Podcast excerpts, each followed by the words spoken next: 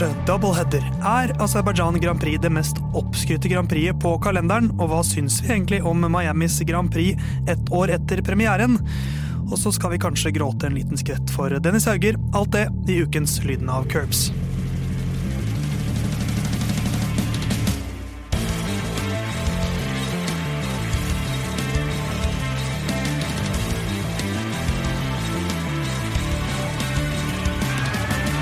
Ja ja, Mensan, ditt eh, favorittradioprogram og din favorittpodkast om eh, Formel 1 er tilbake i øret ditt. Lyden av Curbs hører du på nå. Theis eh, er mitt navn. Det er stemmen min du hører også. Herman Borgstrøm, ved min side står du ikke, du sitter, men eh, du vandret inn i studio her ca. hva var det jeg sa, 19 sekunder før vår tilmålte tid på Radio Nova begynte. Ja. Iskaldt. Ja, Og hovent og cocky. Ja, var altså, Ukollegialt. Nei. Uvennlig. nei. Jeg varsla tidlig da at uh, For da tenker du at alt er greit. Ja, det Herman, tenker jeg skal drepe deg i morgen, nå vet du det. Ja. Det er alt greit. Altså, en historie som jeg ikke husker fra min barndom, er at jeg fikk kjeft fordi jeg typ slo søster når jeg var sånn to år. Eh, tre år kanskje, fire år, jeg vet ikke helt. Søster når. var 18. Ja, nei, det var hun ikke, hun var tre år eldre. Og så fikk jeg beskjed at nei, men da måtte jeg si unnskyld. Og det jeg visstnok gjorde da, var at da begynte jeg å si unnskyld, og så slo jeg. Ikke og det er jo det litt det jeg praktiserer ennå, da. Det er fint å se at vond gammel vane er umulig å vende. Men du, Jonathan, du er kjapp i vendinga. Og eh, i spenninga, hvordan går det med deg? Eh, Det går fint. Eh, Jeg holdt på å drepe en and på vei hit i dag. Over, altså Uaktsomt eller aktsomt? Eh, Kjenner deg rett? Aktsomt. Det kunne kanskje passa med den litt sinte karakteren, men eh, det var holdt på å bli uaktsomt. Ja, for den anden hadde ikke sett 2012-sesongen, og da Ja, det var derfor. våkna sinnet ditt. Eh, Så jeg så en and, og jeg gassa på, men Ja. han eh, løp unna. Det ligger jo en and gass Det ligger, et, det ligger en ornitologisk referanse der. Ja, det gjør kanskje det. Ja, Gåsen som gasser seg, osv. Ja, sånn, ja. Det er de som kan mer om ornitoli, orn, ornitologi enn meg. Ja. De kan skrive en vits og sende den inn til Lyden av Curbs på Instagram eller TikTok. Det er den 53. episoden i dag av eh, Lyden av Curbs. Og eh, da vet dere hva som venter nå. Ja, ikke akkurat nøyaktig hva, men eh, det skal være en eller annen Ja. fun fact knytta til Miami og 53. Dette er en double header, så da tenkte Det jeg er, som så at det er 53. dobbeltheaderen i Formel Nei, vet du hva, 1-historien. den her er ikke så god. Okay. Men det var mer at jeg syns, jeg syns vi skylder han å nevne det. Eh, han har riktignok verken vunnet Aserbajdsjan eller Miami, men Sebastian Fettel endte på 53 seire som Formel 1-fører. Tredje flest gjennom tidene. Jeg syns vi skylder han å nevne det. For nå, nå kan vi si med ganske stor sikkerhet at det kommer til å ende på 53.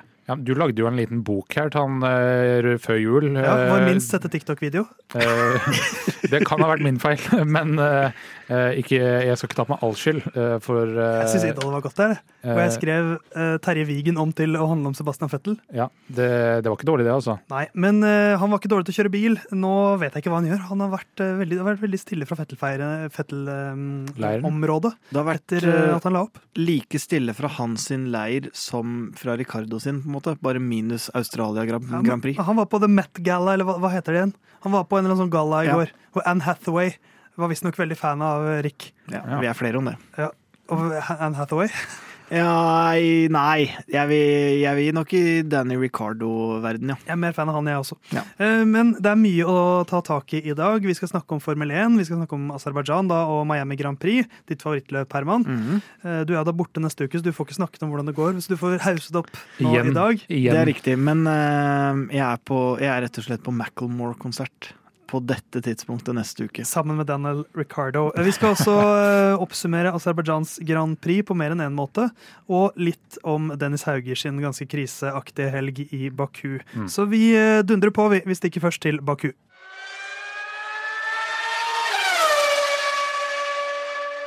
Herman, hvorfor sitter du og smiler og nikker? da? Eh, det er fordi vi har en sånn For du gjør masse spillopper underveis mens jeg driver og avvikler lydene her. Og Ja. så tror du kanskje aldri at jeg skal calle det du gjør. Nei, men nå, Men du satt og smilte og nikket veldig. ja, men nå var det jo fordi vi hadde på en sånn aircondition som lager lyd.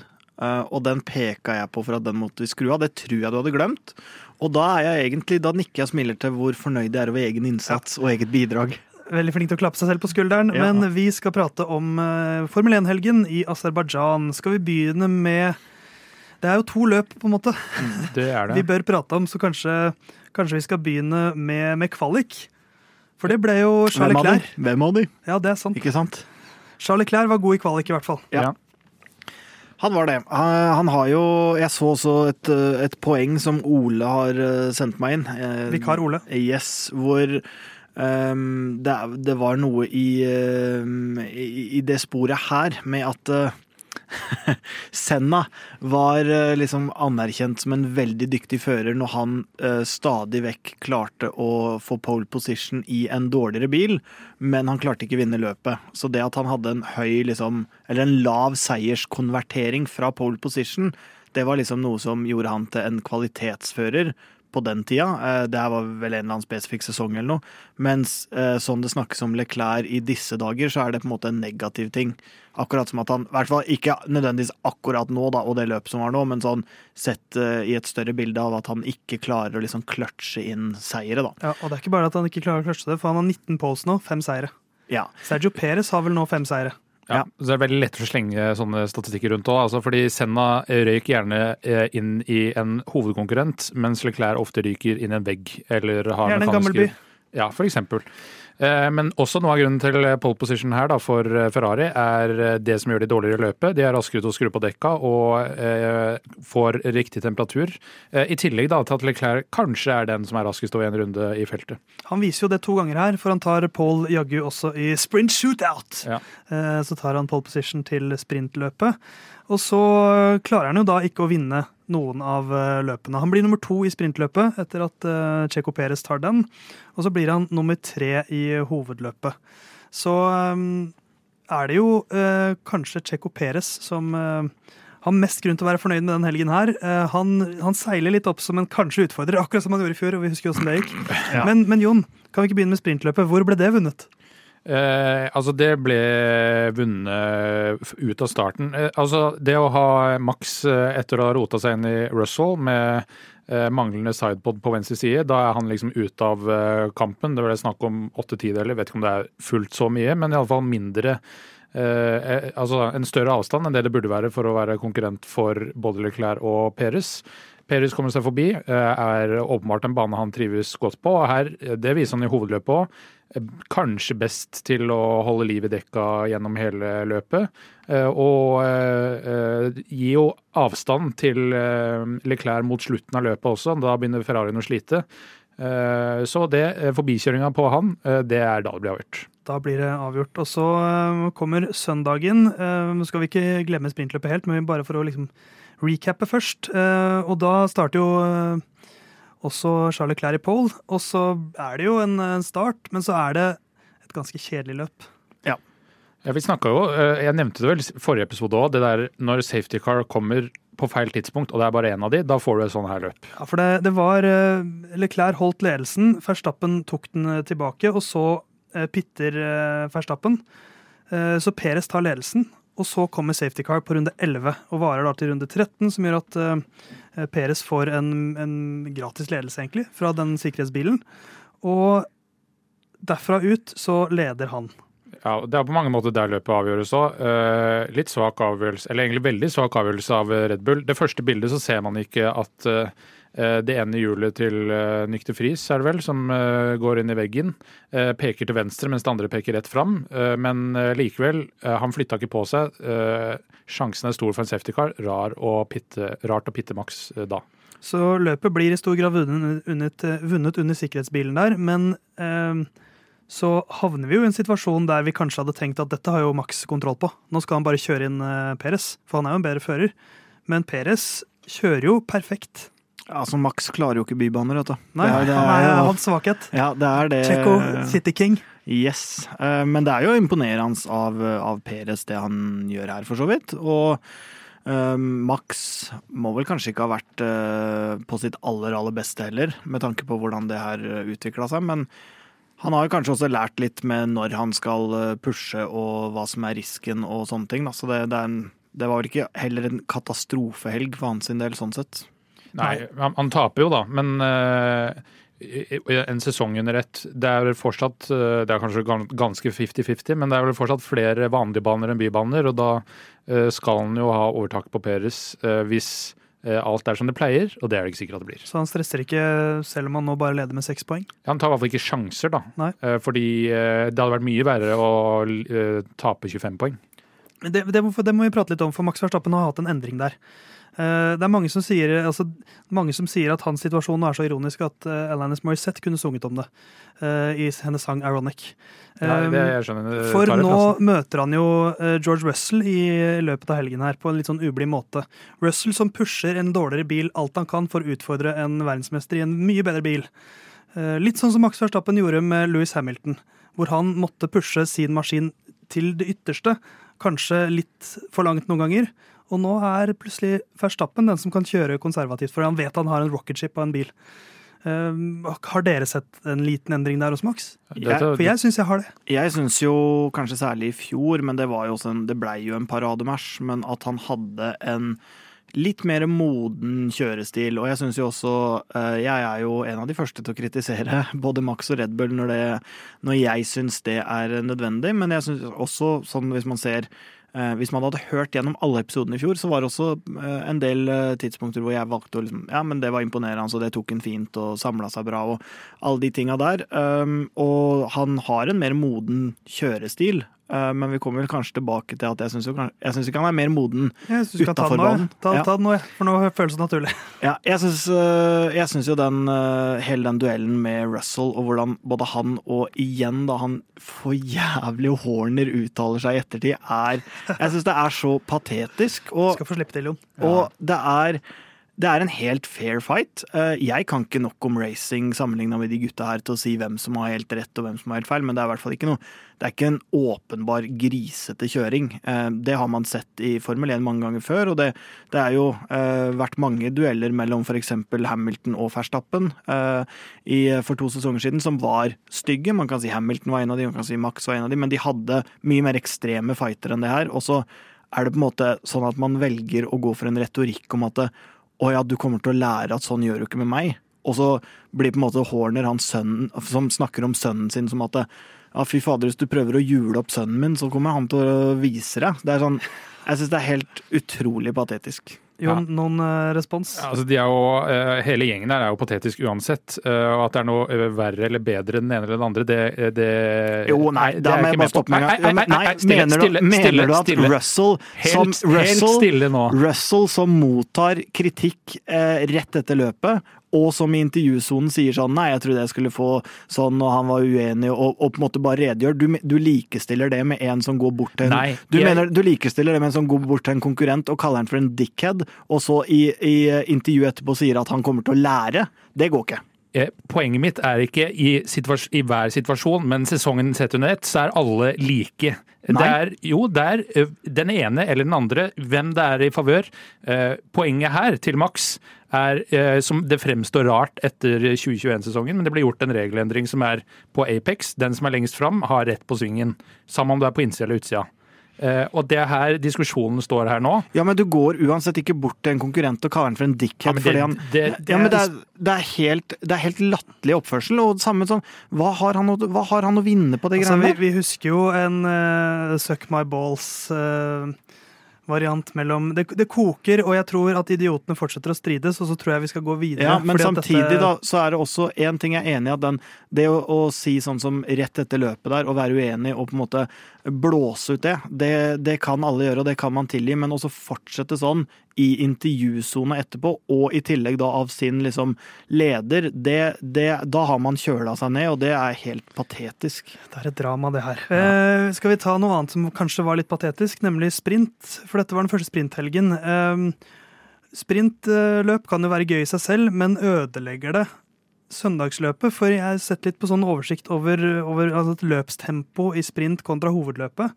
Um, og det er, det er noen små endringer, men det har jo med hvor du er i løpet videre å gjøre. Men jeg føler at sprintløpet egentlig bare forringer søndagen. Fordi at jeg vet litt mer hvordan pekingorderen er. Jeg vet hvordan forbikjøringene kommer til å være. Jeg vet hvilke biler som er raske hvor. Ja, altså Vi hadde jo hele den diskusjonen før. Nå er det jo endra hva man har kvalik til. Eh, altså at det ikke er kvalik til begge de løpa. Eh, så du har ikke mulighet til at hvis det går dårlig i kvalik, så kan du kjøre deg opp til eh, din riktige posisjon. Men det du får, er eh, mye mer dekkdata eh, under eh, racing conditions. Eh, så strategien på søndag blir jo da enda mer eh, konservativ, om man kan si det. Eh, og det blir jo da litt varsku på hvilke biler kommer til å håndtere dekka bra rundt en bane her, som er mye av Formel 1. Eh, det, eh, altså, det handler om hvor lenge kan du pushe hvor hardt eh, før du må skifte dekk. Eh, Så for meg, sprintløpet fungerte liksom helt greit. Det, var to litt kjedelige løp eh, med eh, lite action. Eh, Det var mer eh, eh, action sånn sett i første løp, men eh, likevel. Det gir meg ikke noe fra eller til. Nei, for sprintløpet var på en måte en, en kort og kjedelig utgave av det lange løpet. For, for vi må snakke om hvor kjedelig hovedløpet var. Eh, Jeg liker å være positiv, men de siste 31 rundene så var det ingen endringer i topp 8. Det, Peres tar ledelsen på runde 10. Den holder han ut løpet. Verstappen tar andreplassen på runde 14.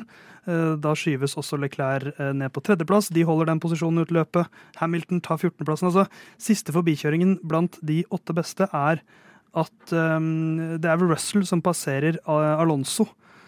Og så Nei, Russell, nei, Hamilton passerer Stroll, mener jeg. Beklager. Uh, om, I kampen om sjetteplassen, og det skjer på runde nitt- uh, mellom 18 og 19. Mm. Det er den siste passeringen blant de 30 uh, på de siste 31 rundene. Og de endra jo på DRS-reglene. De gjorde DRS-sonen på langstrekket kortere, eh, samtidig som regelendringene i fjor gjorde det vanskeligere å kjøre tett, eh, som var hele poenget med de nye eh, reglene som de kjører under nå. Ja, er, Eh, så, så de har jo Vi er bare tilbake der vi var, ja, altså og dette, egentlig bare lenger bak, føler jeg. Ja, dette er det heve gulvkanten halvannen ja. centimeter eh, bak, som eh, bidrar til mer dirty air og gjør det vanskeligere å følge. Uh, og DRS uh, det er jo på en måte greit nok, men DRS-tog er nå DRS-tog, uh, uansett om det er eh, 300 meter eller 1300 meter.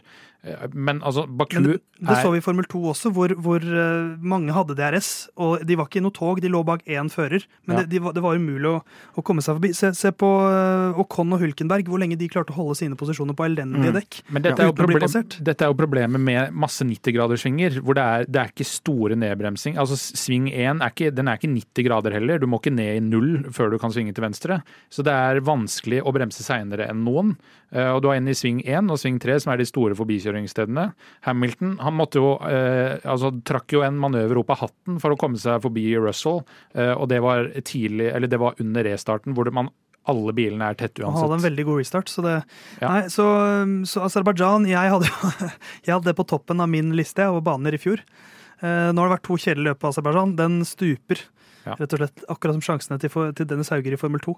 Eh, så jeg syns det var eh, Ja, det var, det var litt kjedelig, og det er jo et slags paradoks. Og for folk som har fulgt sporten lenger enn eh, meg og andre i Drive to Survive eh, på en måte er han, så er, det jo, så er det jo en del av sportens natur at det kommer store regelendringer som påvirker både hvem som er best og på en måte hvordan de må gjøre det. Men Du har tatt med deg Greatest Hits i dag. Nei, men det er jo et, eh, det er jo et paradoks at man har l- altså at så Hele den omstruktureringa og regelendringa er gjort fordi man ønsker at racinga skal være på en annen måte.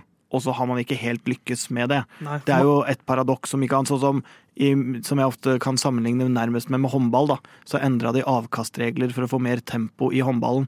Tempoet gikk vanvittig opp. Um, her har man liksom ikke samme fra, fra X gir, Y-resultat, da.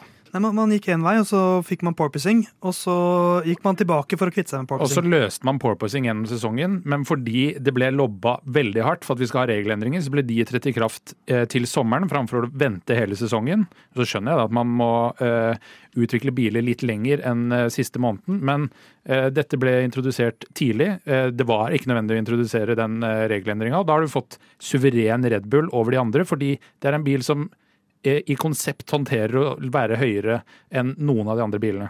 Så uh, Aserbajdsjan må, må det skje et eller annet med. For eh, hvis det bare blir én safety car der, så får vi sånne løp som det her. Mer om Aserbajdsjan nå straks.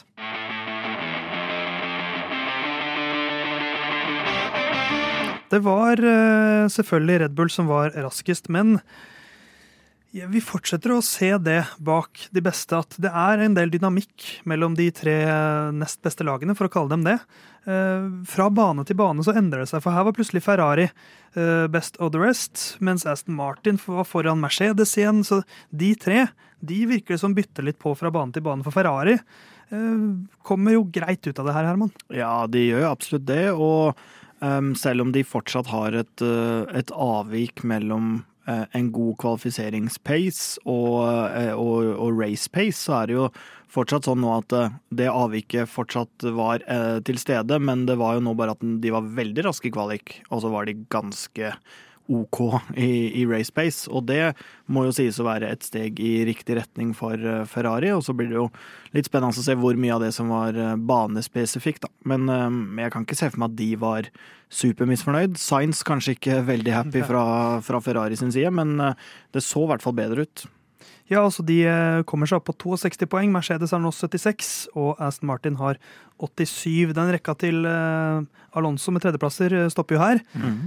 Eh, med eh, Leclerc som kommer seg på podiet. Men eh, bak de beste her så er det jo McLaren, Herman, som du har lyst til å prate om. De, etter to elendige løp i starten, hvor det kanskje ikke egentlig fikk se helt hva den bilen var god for, så har de nå tatt poeng to løp på rad. Niende- og ellevteplass blir det jo her. Niendeplass på Norris, ellevteplass på Piastro, som jeg kaller han. 14 ja. poeng er de oppi nå. Ja. ja, stemmer. Og det så jo på en måte også mye bedre ut gjennom hele helga. Um, og så har de kanskje litt stang ut, eller om de akkurat ikke er gode nok til å uh, kanskje få ut det som så ut å bo i de, da, så, så var det uansett et stort steg i riktig retning. fordi den sesongen her begynte jo med at de på en måte var det laget som så ut nesten verst ut, i hvert fall. Men det, altså det blir eh, Med tanke på utgangspunktet og si stang ut, eh, her er det jo sånn eh, De må alltid bli kjent med den nye bilen, da, men de er jo med. Og Piastri er seks sekunder bak Norris til slutt da, og tre sekunder bak Yuki, så det er godt løp av begge to, og en bil som ser bedre ut. Sunoda. Nok en gang så kommer han seg opp på poeng, da, så eh, japaneren imponerer for tiden. Eh, så jeg har lyst til å fokusere litt på Hulkenberg og Con. For de kjører jo en strategi her, begge to, som er sånn som vi liker. Yes. Hvor de faktisk prøver på noe. Uh, Hulkenberg sto ikke like mye i det som Ocon, som pytta på nest siste runde, vel. Han nesten ble massemorder. Ja, uh, ble, ja, stemmer det. For det var da det var masse fotografer ute i Ja, De hadde begynt å rigge til podiet, og det sto fotografer i fast lane, så han måtte bremse ned for å ikke kjøre de ned. Men han eh, røk heldigvis verken ankler eller poeng der. Men, men, de holdt seg jo ute så lenge de kunne, da. Eller Ocon gjorde det. Mm. Hulkenberg lenge nok til at de, det var åpenbart at her venta de på en sikkerhetsbil eller et rødflagg eller noe sånt. Uh, gøy at de prøver, men også da så ser man hvor lett de holdt posisjonen sin, selv med møkkadekk. Ja, Hulkenberg får jo beskjed fra, fra teamet sitt også med sånn Da tror jeg ikke det er mer enn fire-fem runder igjen, og så kan det enda ha vært noe delay på den radiobeskjeden, selvfølgelig, men at um, For han, han, klager vel på dekka, og så bare, han bare hold deg ute. Det eneste muligheten for poeng nå, det er uh, safety car eller rød flagg. Um, og det er jo en bestilling som er ganske grei, hvis du klarer å ligge ute. Og, um, så vil jo sikkert en racerfører alltid kjøre raskere hvis man kan det, men det, det var jo den riktige strategien, og så ga det jo ikke payoff uh, nå, da.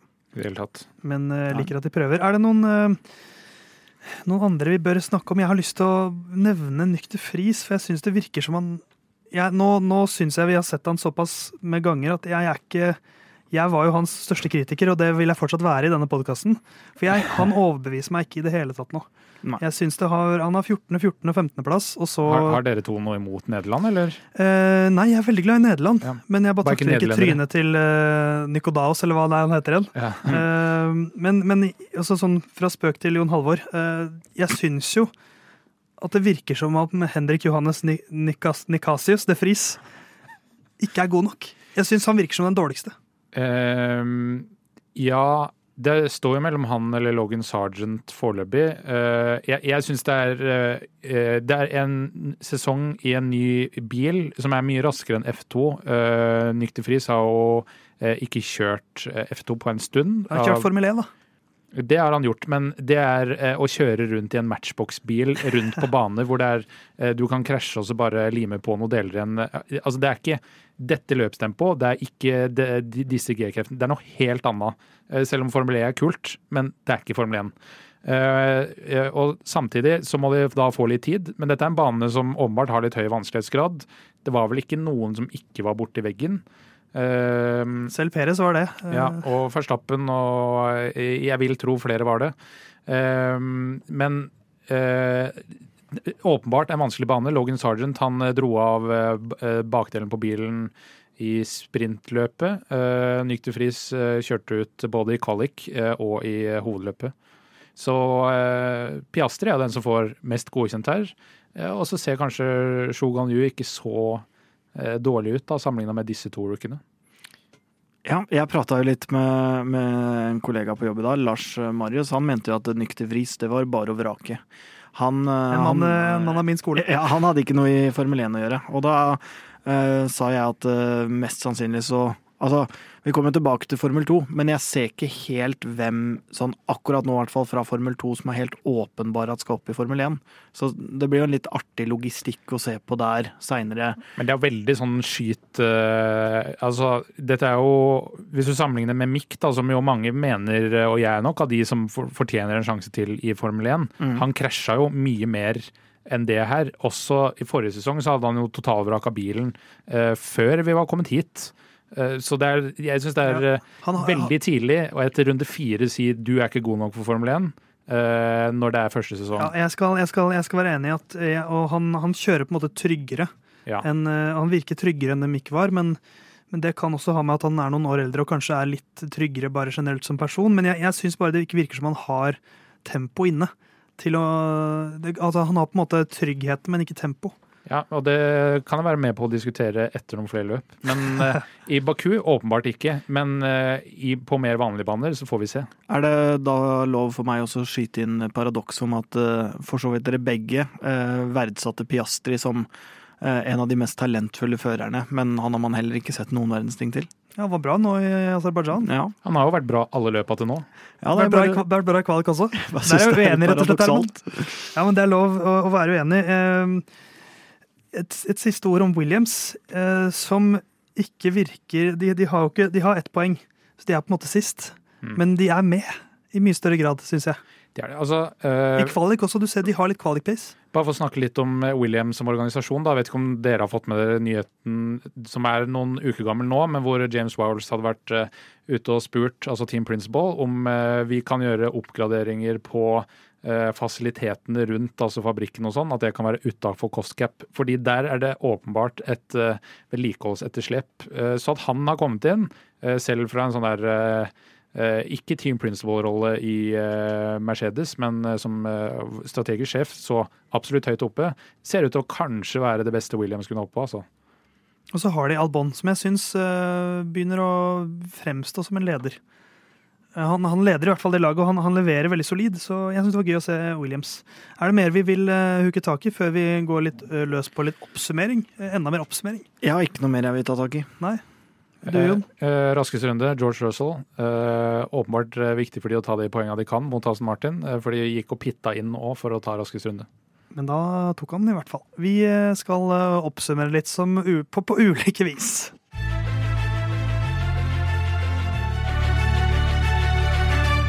Vi skal oppsummere Aserbajdsjans Grand Prix på ulike vis. Herman skal gjøre det på nyhetsvis. Litt ferskt, kanskje. Charles Leclerc starter i pole position i sprintløpet i Aserbajdsjan Grand Prix. Mest actionfylt er det riktignok på raden bak når Verstappen ikke klarer å gi slipp på stoltheten og krasjer med George Russell. Bilen ødelagt for nederlenderen, og det samme kan vel se ut til å sies om humøret. Etter sikkerhetsbilen er ikke den røde racerbilen til Monegasken rask nok. Sergio Perez vinner sprintløpet ganske så enkelt. I hovedløpet blir det andre baller for Max Verstappen. 25-åringen kommer seg enkelt forbi Leclerc, men en safety car vil det annerledes. Både den regjerende verdensmesteren og hans nemesis geita Louis Hamilton havner på feil side av sikkerhetsbilen. Det gir en kjempesjanse for Sergio Perez. Den griper han med begge hendene og sikrer seg en seier. Nå er han også med i VM-sammendraget igjen. Verstappen havner på plassen bak Checo. Leclerc kommer inn etter de to Red Bullene. Det var det, var det jeg hadde. Det var nyhets, Herman. Ja, det der er jo Du løser jo egentlig en gammel oppgave her, da. Jeg gjør det. Jeg For gjør det. Ja, jeg har uh, Sluntra unna. Nei, jeg har ikke sluntra unna. Men jo, det var det har du, Herman. Det der børsta, jeg børsta jo litt støv av gammel uh, Ja, det var- storhet, Det var fin parodisk eh, nyhetsstemme, det var Ja, det. Og det er jo på en måte en parodi på meg sjøl, da. Ja, fra, fra den tida. Det er det. Jeg skal også oppsummere på et vis, men jeg tenker vi skal ta tippeoppsummeringa vår først, eh, Jon Halvdan. Ja, For vi har jo også en tippekonkurranse gående, hvor og vi vi. tipper topp tre til hvert løp, og også da uh, ukens sjuking, hvor vi skal prøve å spå noe sjukt som skjer i løpet av helgen. Ja, Vi skal jo komme innom eh, og krangle litt eh, om denne her lista litt senere òg, men uh, oppsummeringa etter eh, løpet nå i helga, så eh, vi tippa jo lik podiet. Verstappen, Perez, Alonso, og det gir eh, totalt to poeng hver. Ja, for det ble Peres uh, Verstappen. Ja, og så ble jo eh, vi, Det er jo snakk om spilleoffer eller væreoffer. Herman spilleroffer, jeg var et offer. Eh, fordi jeg hadde at eh, Max Verstappen leder Q1, Q2, Q3, SQ1, SQ2, SQ3, alle rundene i sprintløpet, alle rundene i hovedløpet og tar raskeste runde. Og så måtte jeg slenge på vinner med 30 sekunder. Ja. Han vant ikke noen av delene. Han leda ikke Q... Han leda ikke Q, Q1, kanskje. Ingen av de andre. Nei, så sånn sett så hadde jo ikke For det hadde jo vært litt kjipt. Jeg føler vi hadde vært strenge hvis det, Hvis var, hvis det var det det sto på, på en måte. Eh, Ja, andre var jo strenge likevel. vi var det, men du var langt unna, så det var ikke vår skyld. på en måte. Nei, det er riktig. Ja. Eh, men det var mye krangling for ingenting. Det det. Eh, og da eh, Theis han hadde verken Verstappen, Perez eller Alonso fullføre de første ti rundene av hovedløpet. Eh, de fullførte alle tre, de første ti og alle 51 rundene av hovedløpet. Så Skivebom. skivebom. Eh, og Herman hadde Seven Nation Army. eh, han fikk jo den billige her. Er I løpet av en av sengningene. Sprint qualic, qualic, sprint og løp. Ja. Nei, den eh, Det kan godt hende den ble spilt, men jeg fikk ikke snappa opp det. for her sa vi også at bevisbyrden ligger på deg, Herman. Ja, ja. Dette må du bevise. Og jeg- skal innrømme at jeg satt og hørte etter, og jeg var Ja. sånn Jeg hører ikke så mye musikk noen gang her i bakgrunnen. Altså. Nei, jeg vet det, og den mener Jon Halvdan at jeg fikk billig. Eh, Ja, det gjorde du. Ja, det syns jeg jo vitner noe om hvordan jeg eh, altså til stadighet blir dratt ned Ja. og bakover i denne eh, Men- redaksjonen. Men apropos bli dratt bakover, Herman, for du hadde egentlig en annen oppgave også til dagens sending, som Ja. var at ifølge våre lyttere så skulle du oppsummere denne helgen som James Allison. For det var det lytterne våre stemte på. Men um, så er det jo veldig, alltid veldig synd på deg når du får oppgaver. Da har du alltid masse annet å gjøre. Um, så da har jeg som eh, kaptein på denne skuta tatt ansvar, og jeg skal oppsummere helgen til eh, James Allison, som da er technical director i Mercedes. Han har fått den stillingen tilbake igjen nå. Um, og jeg har, James Allison er jo ingeniør, så han er en, en fyr som sikkert er litt kjedelig. For jeg har studert ingeniørfag selv, eh, og jeg kan bekrefte at det er mye kjedelige folk som gjør det.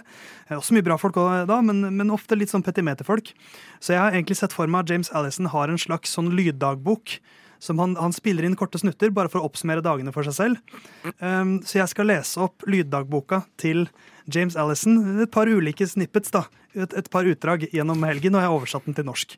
For å gjøre det enklest, enklest for meg og deg. Så her er lyddagboka til James Allison fra uh, helgen i Aserbajdsjan. Fredag 09.00. Nam-nam, musli er godt til frokost. 12.00. Ny mail fra Toto. Jeg er litt lei av at han sender meg memes hver fredag klokken 12. 13.00. På grunn av denne stappfulle fredagen så får jeg ikke sett reprisen av Peppa Gris som jeg gjør hver fredag. 15.00. Kvalik på en fredag. Toto virker ikke helt fornøyd, men eh, tror kanskje ikke han fikk pumpernickel til frokost i dag. Han burde gått for musli isteden. 17.00. Louis også litt gretten eh, under gjennomgangen etter løpet, vet ikke hvorfor. 21.00. Natt, natt. Gått med musli bar til kvelds rett før leggetid. Lørdag 09.00. Nam-nam, musli er godt til frokost. 11.00. OK, Toto. Den memen var litt morsom, faktisk. 15.00. Sprint. Er ikke det sånn som Bolt driver med? Vet ikke om George skjønte humoren da jeg dro den rett før start, men, men, men. 17.00. Dæven, vi var flinkere til å bygge bil eh, før, ass. 21.00. Natt, natt. Gått med musli bar til kvelds rett før leggetid. Søndag 09.00. Nam-nam, musli er godt til frokost. 13.00. Fju, ingen memes fra Toto i dag. Kanskje han fikk pumpernickel til frokost i dag, da. 14.00. George spurte meg hvor skjorta mi er fra, men den er jo bare sånn lagtøy. Rart at George ikke visste det. 16.00. Ja ja, det var jo et løp, det. 20.00. Åh, Miami. Bye bye metric system. Blunkefjes. Ja, han sier, med, han sier emojis. 21.00. Natt natt. Gått med muslibar til kvelds rett før leggetid. Og det Ja, var, ja. det var helgen til James Allison. Ja, det er, det er ikke dumt. eh, Jeg syns ikke det der var dumt. Um, Jeg kunne, jeg kunne jo valgt å angripe deg på en måte på samme måte som andre her i studio gjør, men Ja. jeg liker det. Jeg som dekker over for deg, Herman. Eh, vi Det skal, det ville vært hardt. men vi skal videre til noen som kanskje trenger litt hjelp, nemlig Dennis Hauger.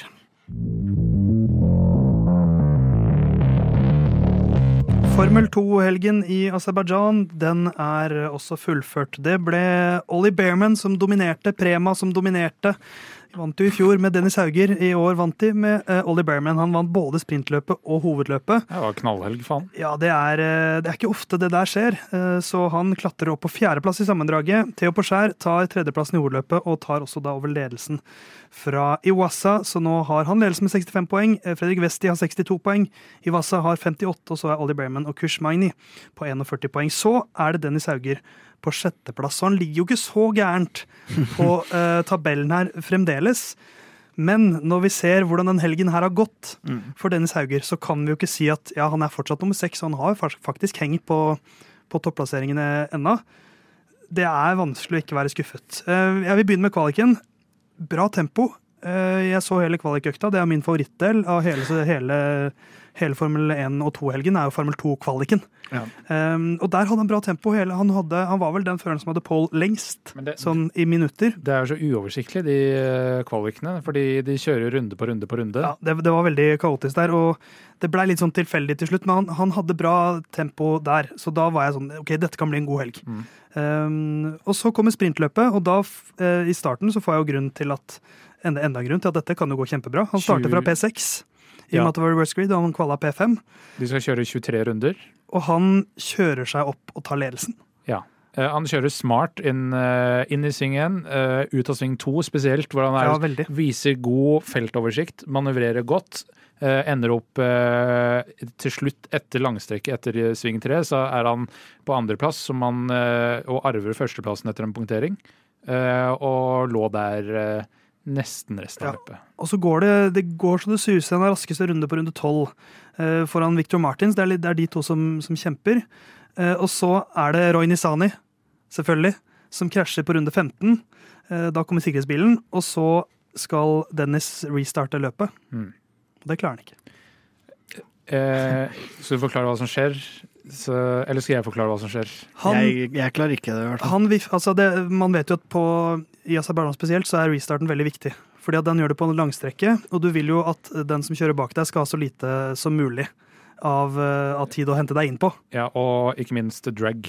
Ja, drag. Eh, men da går det jo sakte veldig lenge, som gjør at når Dennis holder jo faktisk P1 inn i svingen, Ja. men når han da skal trykke på bremsene sine, så funker jo ikke de.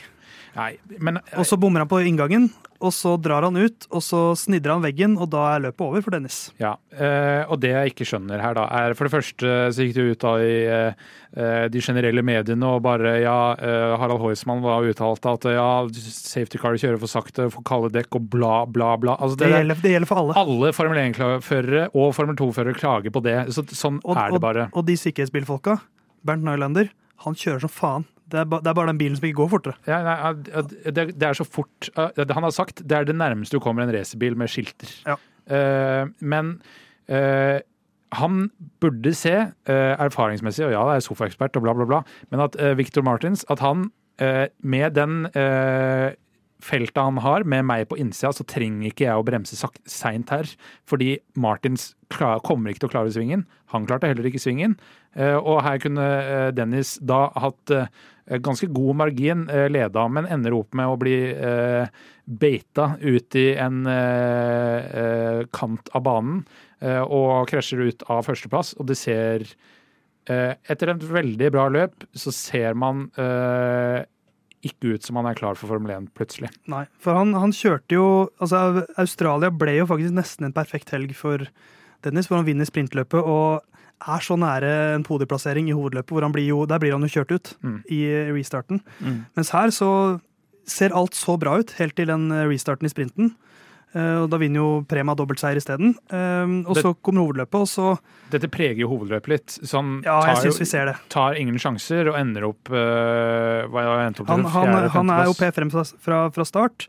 Eh, Etter sving to så mister han én plassering, og så på runde fire så detter han ned til P7, og så er det jo litt sånn pit-strategi osv., men han holder seg egentlig der. Ja. Han ligger på syvendeplass derfra ut hovedløpet, og så blir han nummer syv til slutt. Um, og da blir det jo noen poeng ut av det, i hvert fall. Han blir, eh, nei, han blir, han blir faktisk nummer seks til slutt, ja. Ja, Mar Mar Martins blir Ja, vel eh, Han blir diska. Ja. Stemmer. Så, så da det liksom Han er fortsatt med. Eh, Det, det må klaffe. Han trenger en sånn Ollie Bearman-helg for å komme seg virkelig inn i, i Ja. kampen igjen. Og, og han trenger gjerne flere sånne. Det Det er, som vi, det er nisselua på når vi eh, er så positive. Ja, men, men altså, det er ti runder igjen. Ja da. Eh, og vi, som du sla, sta, sa i stad med nykter fris, det er fortsatt lenge igjen. eh, og, Men det er ikke like lenge som vi men, men, men vi så i Australia da, hvor nær han var å liksom virkelig henge seg på i Ja da. toppen. Og Vi så det jo enda mer nå, men det er bare det eh, skorter litt Ja. på det aller siste. Men jeg er enig i at det var, det var noe som døde i meg idet Dennis drepte dekka sine og bilen sin inn i svingen der etter restarten. For da tenkte jeg at det blir ikke hans år. Nei. Jeg syns jo også et nærmest underkommunisert poeng her, og som jeg tror også gjør at eh, mange så instinktivt får bare vondt i magen og syns den der var tung, er at eh, jeg tror ikke Dennis Hauger kommer til å være den raskeste racerføreren, som det ser ut i hvert fall akkurat nå, da, eh, i Formel 2. Og da sikkert heller ikke hvis han hadde kommet til Formel 1. Den liksom typ aller raskeste, sånn som Leclerc viser seg ved én runde, da. Det ser i hvert fall ikke sånn som det ser ut nå, ut som at han har det inne, men det er mange andre ting som skal til for å kunne være en god racerfører.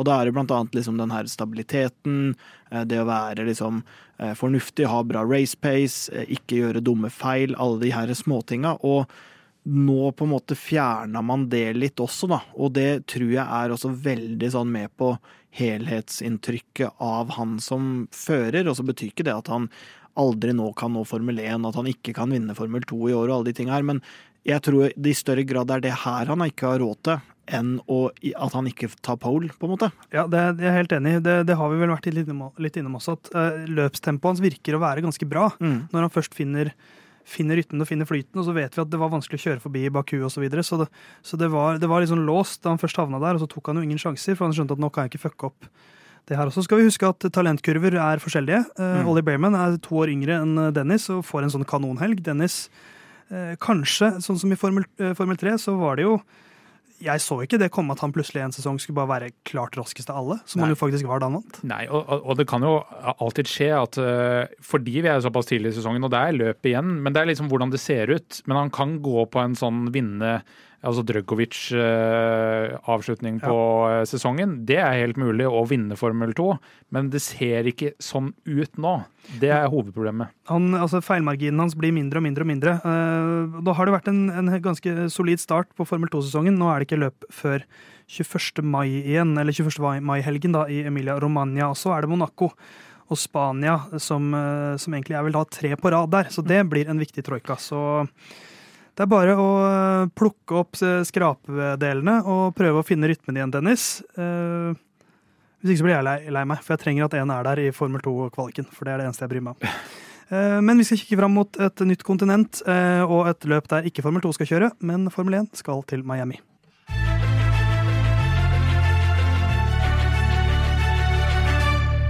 Over Atlanterhavet så ligger det et lite sted som heter Miami.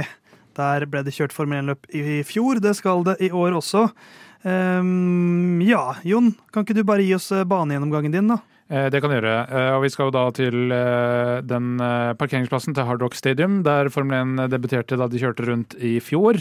Banen de har klart å mekke til der inne, er på 5412 meter, og det er 19 svinger. Det skal kjøres 57 runder, og det er tre DRS-soner per runde. Den ene er ned start målstreket. den andre er eh, mellom sektor 1 og sektor 2, er så enkelt jeg skal forklare det, og den tredje er på det lengste langstrekket. Eh, Men eh, Miami eh, på 80-tallet, da var det nesten 300 drap i byen per år. Eh, Men eh, i år, fram til tidlig av mars, så har det kun blitt drept eh, tre personer. Oi. Og kun ti personer har blitt skutt. Sammenligna med 34 eh, skutt eh, og ti drept eh, på samme eh, tid i fjor. Så det er på bedringens vei med skyting og dreping i Miami. Så det er jo positivt. Ja, Vår amerikaekspert Herman Borgstrøm, Ja. hva betyr Miami som by for deg? Eh, Miami som by for meg betyr ingenting. Uh, det gjør det ikke, for jeg er jo mer enn uh, Så du ikke si seg Miami da du var liten? Jo da, det gjorde jeg. Men jeg er jo mer litt lenger inn i landet, litt lenger opp. Jeg er jo Indiana, Kentucky-mann. Men jeg føler fortsatt du er en Florida-fyr. Du er vel litt gæren? Jeg er jo, I og med at jeg har det her alibiet mitt i Indiana-området, så ville det jo også vært uh, i tråd med det å bli eldre for meg i USA, og så flytta Ja. ut mot Florida. Kanskje helt ut til Miami, ja. Det er litt USA-Syden. Mm, Ja. ja. Granca, liksom. Ja, ja, ja, Ja. ikke sant. Um, jeg skal innrømme, det er ikke et løp jeg husker mye fra i fjor. Glammen, all glammen rundt. Den jeg husker, det jeg husker best, er jo den falske Marinaen. Falske marinaen der, med de eh, båtene som bare var der, og så var det ikke noe vann. Eh, Jeg husker, det jeg husker best, eh, er Peres som eh, helt krakilsk driver og krangler med Race Engineer om at det er noe gærent med bilen, som det helt åpenbart er, men Race Engineer sier det er ikke det.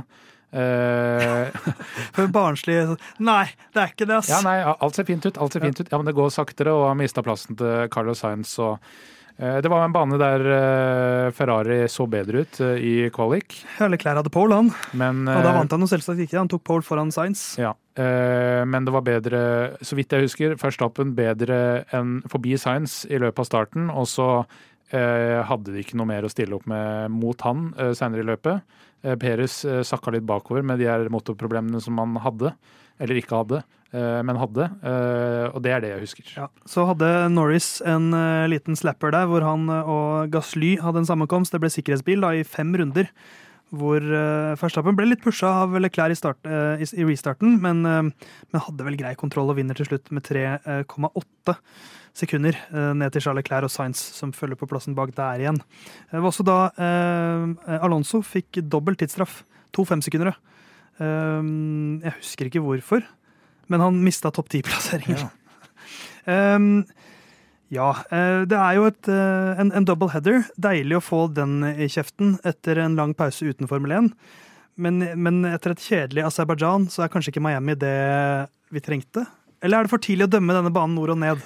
Amerikaekspert Herman Borgstrøm. Nei, den, det var ikke superfun, det opplegget. Jeg syns jo ikke det, men hva skal jeg si? Det er jo det er, Jeg, jeg syns jo noe av kritikken i fjor, det sa jeg til dere òg, den syns jeg var for tynn. Eh, Fordi man kan gjerne Altså, det blei for enkelt å hoppe på at det her var falskt, og det var sånn, og typisk amerikansk og sånne ting. Ja, Det var jo typisk amerikansk. Ja, men det var jo i USA.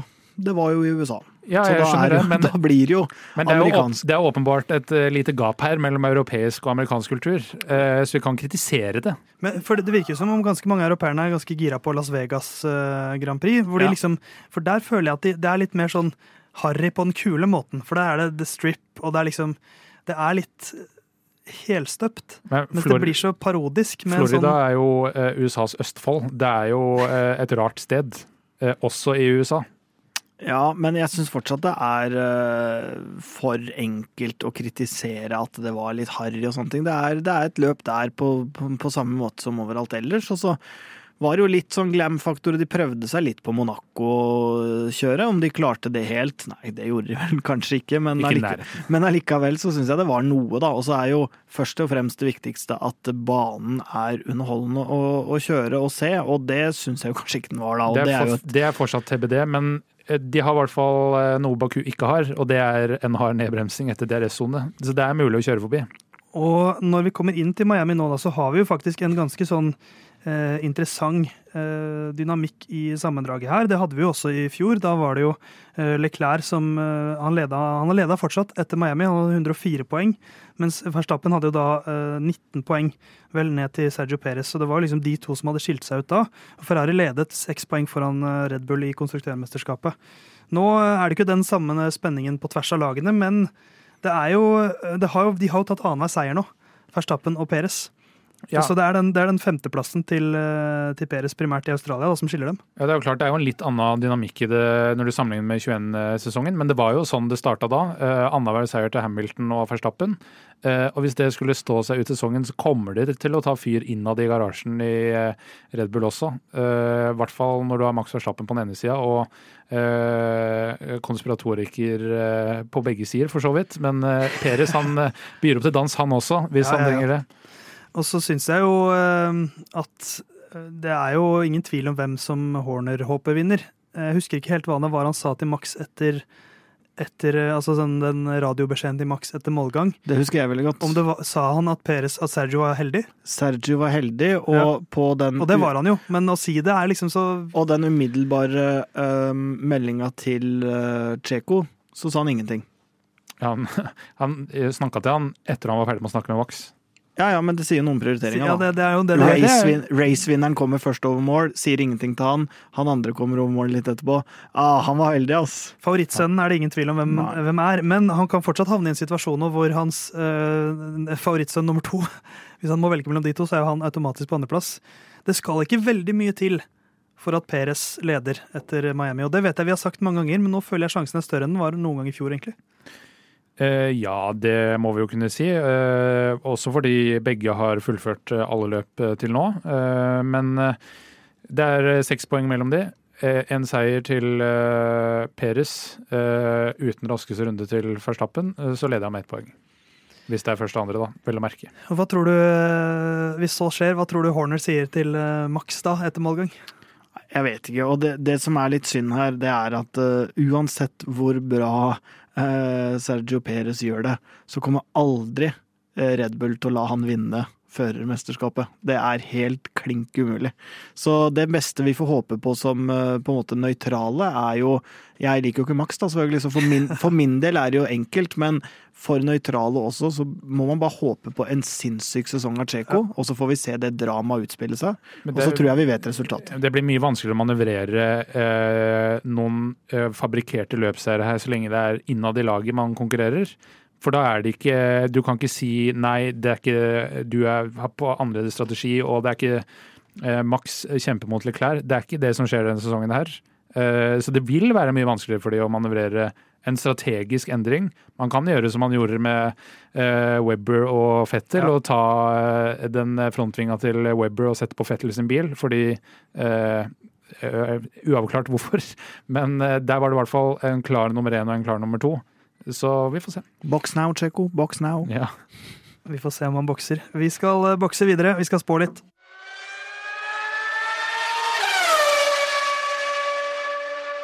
Da var det tid for tipping. Vi skal spå de tre beste til helgens Miami Grand Prix. Og vi skal også prøve å spå ukens sjuking, som er en sjuk hendelse som skjer eh, tilknyttet Formel 1-helgen.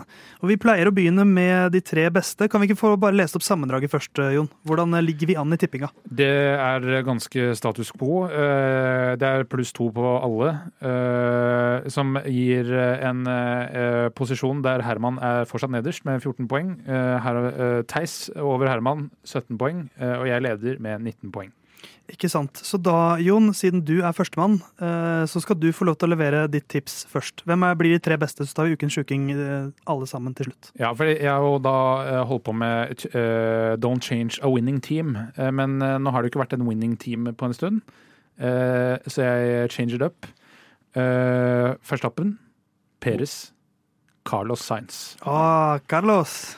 Ja, det var noe, i hvert fall. Ja, jeg eh, holder det relativt likt. Ja. Eh, du kan skrive ned for meg, Jon. Verstappen, Ja. Peres, Ja. Leclerc. Du bare kopierte fra forrige, forrige løp. Jeg hadde faktisk Ja, glemt nest, nesten. Jeg Da, da måtte jeg ha hatt Peres først. Jeg kom på at jeg har glemt Leclerc denne sesongen her. Ja. Eh, da det gikk såpass bra som det gjorde. for Han tar pole han i Miami og vinner ikke, sånn som det pleier å bli. Jeg har jo prøvd å kjøre et mønster i år, hvor jeg bare har tatt og tippa det Jon Halvstad tippa uka før. Og så gjort det konsekvent. For jeg begynte jo litt artig i år igjen, og det gikk jo dårlig. Eh, nå velger jeg med hjertet og bitte litt huet, så jeg har eh, tatt Peres, Verstappen, Leclerc. Nå gidder jeg ikke Det er så kjedelig å sette det samme om og om igjen. Så det du egentlig gjør, er jo bare å kopiere resultatlista fra Aserbajdsjan. Når du skal ta en sjanse, så gjør vi akkurat det som skjedde sist. Ja, det ser jeg jo nå, selvfølgelig, at uh, ja. Så vi er jo ganske kjedelige alle sammen. ja. Men, Men jeg var minst kjedelig. ja, kanskje, men ukens sjuking, Ja, og da skal jeg begynne, fordi ja. nå skal jeg vite hvilken linje jeg skal legge meg på når det gjelder uh, Det er så deilig at nå har jeg to Hermanner i studio når, når det handler om ukens sjuking. Ja, og ukens sjuking uh, fra meg. I løpet av kvalik eller løp så ser man på FN-sendingene eh, kjendisene Florida, Matthew McConney, Johnny Depp, Brad Pitt og Donald Trump. Godkjent! Ja, ja, godkjent. Godkjent, godkjent. ja, ja, godkjent. Det er den mest godkjente jeg har hørt her noensinne, Jon. Ja. Um, eh, jeg vi, vi begynner å liste oss mer og mer bort fra det sportslige. Ja, men litt utenomsportslig må det være, fordi det skal være eh, vanskelig Eller Ja. det må ikke være det, men det kan være det. Ja. Min ukens sjuking eh, er off track. Så er Louis Hamilton kun avbildet med vanlige klær som jeg kunne gått i uten at dere hadde reagert. Ja, det, Ja, ja, kjør på. Ja. Kjør på. Det hadde vært sjukt. Ja, det hadde vært sjukt. Det er jeg enig i. Så, så det er min. Ja, jeg kommer sikkert til å få kritikk, for jeg skal litt tilbake til en gammel Nå har vi hatt to som har vært så soleklart. Ja, Eh, jeg skal, jeg skal til, og det jeg kommer til å få kritikk for, er fordi jeg går litt tilbake til noe jeg har, i et landskap jeg har vært i. Du hører at han gjør Eminem-forsvaret nok en gang, eh, Johan. Ja, ja. Det er alltid Ja, Eminem-forsvaret. men jeg, får så mye, jeg er jo et skada dyr som, ikke, som prøver å snike seg inn igjen, men Hva bare blir faen skal dere kritisere meg for nå? Skal Ja. du si etterpå. Ja, jeg, så jeg går for at eh, um, Daniel Ricardo igjen blir synlig. Ja. Men jeg har uh, tweaka det litt til, så jeg tror at han vil dukke opp i minst ett amerikansk talkshow-segment. À la James uh, Corden. Um, på, enten på et innslag eller som gjest. Eller SoMe. Jeg tror også han dukker opp i hvert fall tre ganger i løpet av kvalik eller løp, og at han dukker opp på minst tre offisielle Formel 1-kontoer. For eksempel uh, Haas sin, sånn som han gjorde sist. uh, Red Bull sin, selvfølgelig, og Formel 1 sin. Altså at det er offisielle uh, greier. Hva, var, eh, hva var kravene for under løpet? Eh, bare at han syns i hvert fall tre ganger. Ja, jeg, eh, jeg har lyst til å godkjenne den. men han hadde to ganger sist, da. Ja, Men, men, her, leg, men- her ligger det også en, en del andre premisser. Og så er det Ja, jeg skjønner det, men for det første, eh, talkshow Her må vi være spesifikke. Nei. Jo. Nei ja. For meg må vi være det. Ja da, men Theis har allerede sagt Theis- han vil godkjenne den. Ja, men det, Nei, han det har ikke sagt han skal har sagt, du godkjenne. den. jeg har sagt du er på sporet av noe. Ja. Men jeg kan ikke Altså, det er jo Ja, da sier vi sammen med James Corden, da. Corden. Nei, nei, nei, nei, for det har han gjort allerede. Jeg kan ikke garantere for hvilket talkshow. Men- Den kan jeg i hvert fall ikke Men det blir litt Jon, Jon kunne jo sagt eh, fem eh, Han kunne jo sagt ti kjendiser og sagt en av disse fem. Eh, hvis du kan gi oss Si du kan få to talkshow-navn, da. Er du med på den, Jon? Ja, jeg er med Ja. på det. Det er bare det er for lite spesifikt, for da blir det sånn Og så, hvis, hvis, hvis vi får to talkshow-navn, og det er én av de, så skal jeg godkjenne den. Her kan du ha gjort research på forhånd nå. Men kan jeg heller endre til fem offisielle Formel 1-kontoer, da? Istedenfor tre? For det, jeg vet jo Ja, ikke hvem vet, som er i vet, vet du sesong hvorfor jeg vil godkjenne denne, Jon Halvdan? Jeg får høre. Fordi at dette krever mye arbeid fra Ja, Herman. det er. Jævlig mye, Så hvis vi øker den til fem, så skal du få godkjent. Ja, Da kan du lese den opp det- igjen på nytt med fem. Ja, greit. Da har jeg landa på altså at, Eller vi har landa på at hvis eh, Daniel Ricardo er synlig på i hvert fall et amerikansk talkshow-segment, han er synes tre ganger i løpet av kvalik og løp, og at han er, dukker opp på minst fem typ offisielle Formel 1-kontoer, og da mener jeg jo det er liksom Hvis han dukker opp på eh, Nå vet jeg ikke ja, Sky, for eksempel, da. Så tenker jeg det er eh, offisielt. Vi kan, eh, vi kan se hvilke Du fem det eventuelt blir. Du liker å tweake etter at eh, du har fått det godkjent. Ja, men La oss nå diskutere hvis det blir eh, greia, da. Ja, men uh, Jeg- jeg tre ganger under løp, var det det du sa? Mm, løp pluss Ja. kvalik. Ja, sa du kvalik i stad? Ja, ja. Han, han gjorde det. Ja, okay. Jeg, jeg syns det må være offisielt tilknytta altså det, det må ikke være rettighetshaver eller, eller medie. Det må være altså en Formel 1 F1-konto. Ja, men da er det jo bare ett av de ti laga, da. eller de lagene. Det er det du får. Ja, Hvis det er det jeg får, så må jeg jo ta det. Da er det godkjent. Uh, kjapp oppsummering, Jon, av ukens sjuking.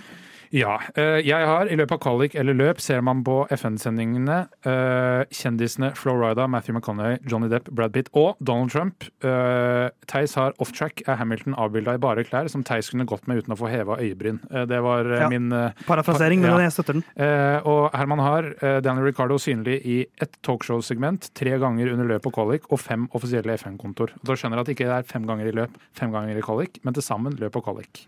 Lykke til, Herman. Her Ja, må du virkelig jobbe.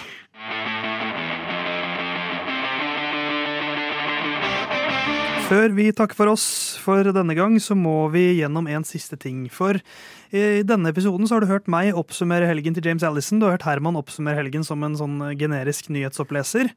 Eh, Veldig generisk. ja, som eh, var gøy, det. Men eh, Jon Halvdan, du skal da få en oppgave til neste uke, hvor du skal oppsummere eh, Miami Grand Prix-runden som en av tre mulige kandidater. Ja, og vi skal jo da nominere de kandidatene oss. Ja, og da er det ingen som må, ting som må godkjennes, så det bestemmer vi helt selv. Ja, ja. Eh, Men det skal godkjennes av eh, de der ute, eh, dere lytterne, følgerne på Instagram, i en poll som kommer på et eller annet tidspunkt før løpet. Ja, når en av oss gjør det. Ja.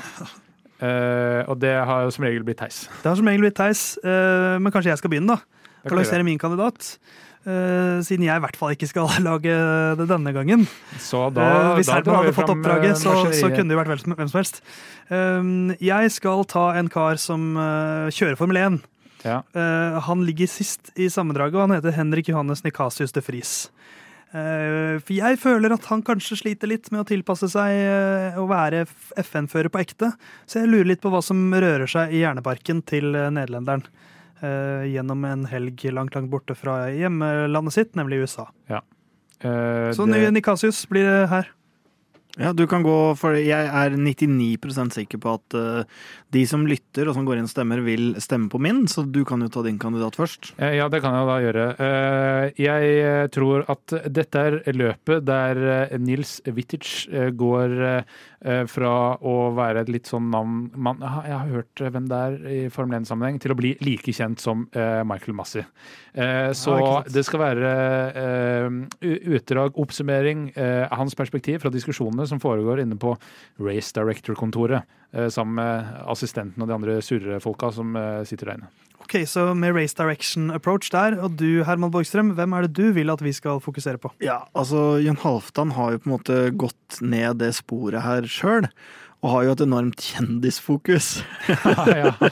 Så jeg ønsker jo da rett og slett at eh, Jon Halvdan ser det her fra Shaquille O'Neal sine øyne, som er Enten han er der eller ikke, så er det veldig, på en måte veldig høyt oppe, da. Ja, så er det på en måte casen. Shaquille O'Neal er i Miami, får en eh, stjernetreatment, og hvordan eh, ser det ut? Hvordan Han vet jo at han er der. Nei, men han har jo vært på veldig mange, så jeg det er tenker jo Åsen han pleier å være på. Men hvis, hvis han ikke er der, så kan vi late som at han Ja, er der. Okay. Da får du ta en kontrafaktisk variant, Jon, hvis han ikke er der. Så bare se for meg at jeg er 2,5 meter høy eh, og eh, ser Formel 1-løp. Og være blodharry Og en og kjøre sånne rare biler. En av tidenes største atleter.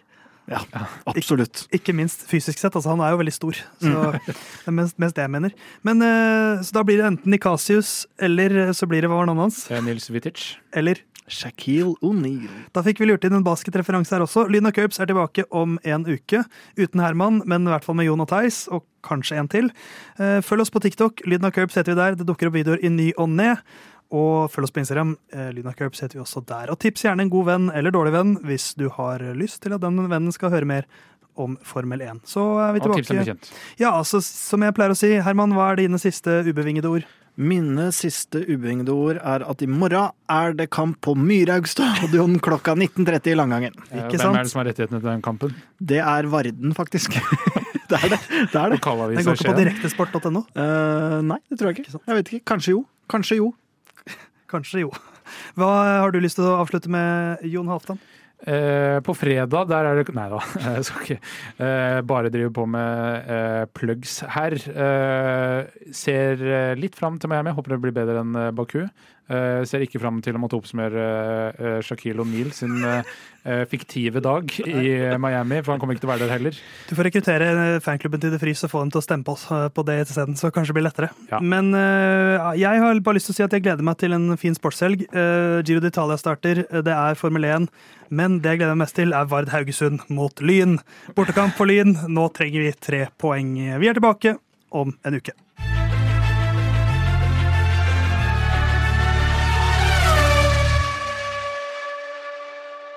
Good luck this weekend, Stroll. Thanks.